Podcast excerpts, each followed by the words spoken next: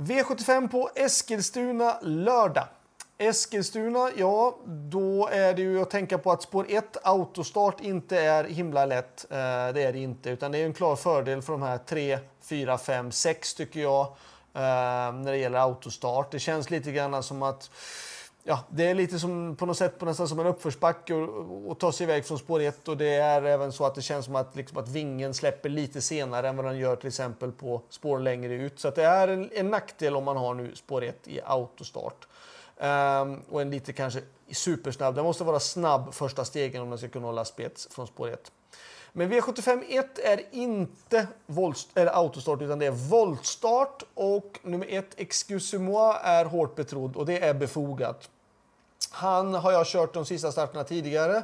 Han hade otur i derbyförsöket, hamnade bakom en trött rygg, avslutade fruktansvärt snabbt eh, sista 500 meterna ut i vida spår. Jag tror att det var åtta tid sista 500 meterna och eh, gjorde det jättebra men det var omöjligt att kunna hinna fram efter att ha fått så dålig draghjälp.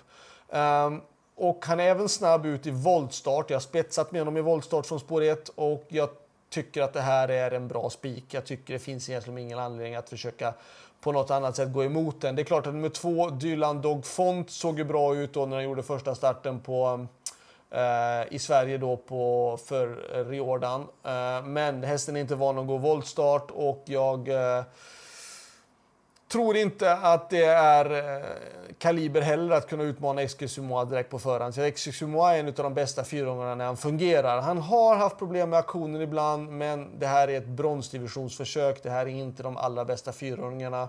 Eh, för mig är det en superbra spik och den bästa spiken i omgången faktiskt tycker jag Eskilsumua.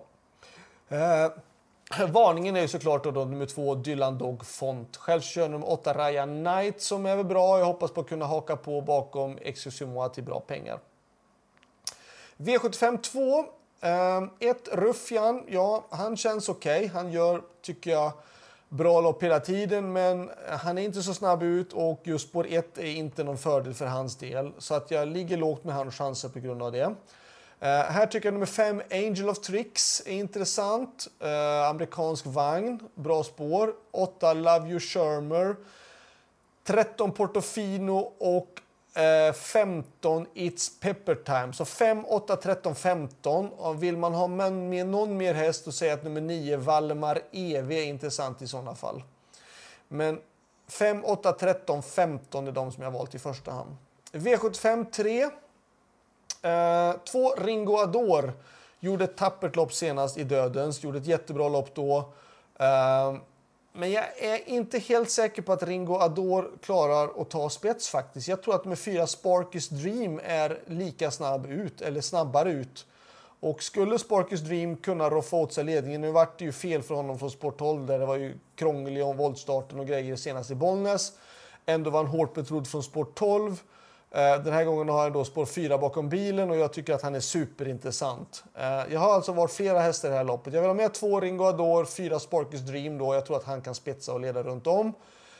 Därefter tycker jag faktiskt att 6 Star Cash gjorde ett bra lopp senast. Eh, 7 Perkins självklart.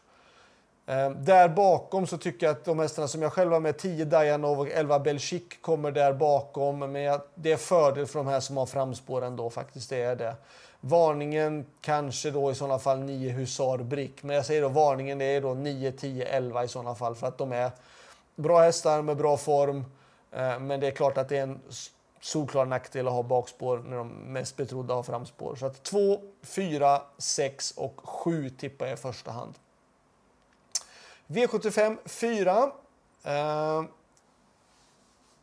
en, den som tar spets av 6 Future Shocks och 7 Ferox Brick har superchans. Uh, jag vill även ta med nummer 12 Without a Doubt som också har sett, den gjorde jättelopp efter galopp senast. Supertid gjorde den efter det.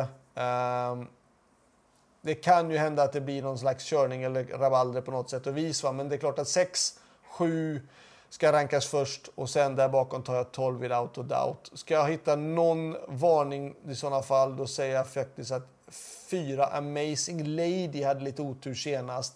Den var, hästen vann ju näst senast och gjorde då ett jättelopp då på Solvalla. Den spurtade bra. Ehm, jag kan tycka att den blir lite grann bortglömd och det kan vara en luring i sådana fall.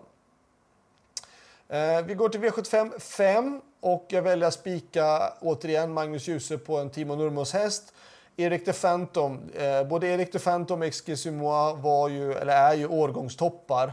Eh, eh, som tyvärr inte riktigt har fått till det i år än så länge, men det är jättebra hästar och för mig så tycker jag att Erik de Phantom är med i ett vanligt klass 1-lopp.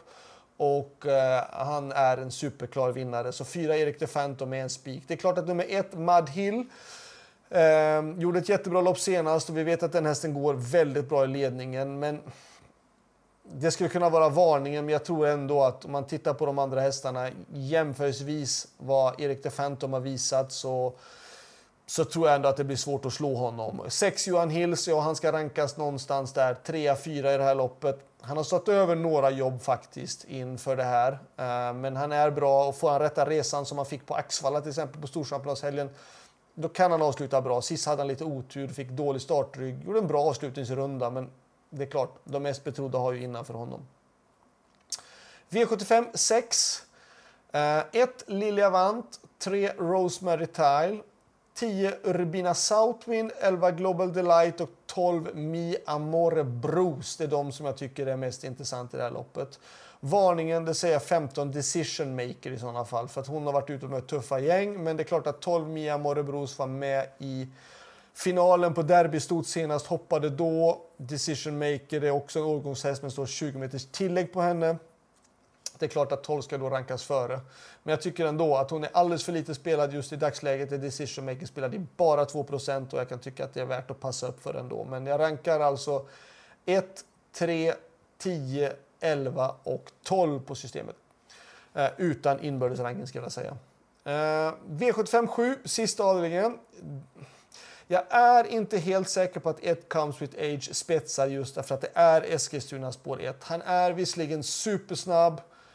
Eh, men han blir väldigt hårt spelad, 51 procent, och han möter några riktigt rutinerade bra ston. Jag menar, två Island Falls har ändå varit med i Östersunds, där Jämtlands stora Grand Prix. Eh, och har varit ute i tuffa lopp.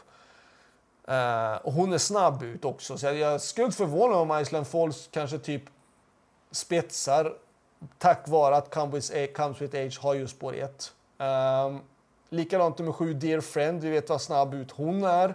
Intressant här, ny regi. Um, så jag har valt att plocka med såklart 1, Comes With Age, 2, Island Falls, 7, Dear Friend och elva King of Everything också. Uh, King of Everything har vilat lite granna och han är ju ändå, jag menar, om vi tittar ett par starter tillbaka där så var han väl med, vad var det, på Åby den eh, 6 maj, var spelad i 2.51 då mot väldigt bra hästar och den här gången blir han inte alls, eh, han blir väldigt bortglömd. Så jag tycker typ att det är absolut värt att ta med 11 King of Everything på hans kapacitet och på hans speed. Så att 1, 2, 7, 11. Har man råd med flera, då är det 6 Laradja Vishut, 8 Melby Joker och varningen säger jag faktiskt, det är nummer 5 Idomenio Sisu som har varit bra gjort bra lopp hela tiden och uh, mm, han är i sådana fall värd att passa upp för i den här omgången. Så det var allt. Lycka till och så hörs vi vidare. Ha det bra. Hej då!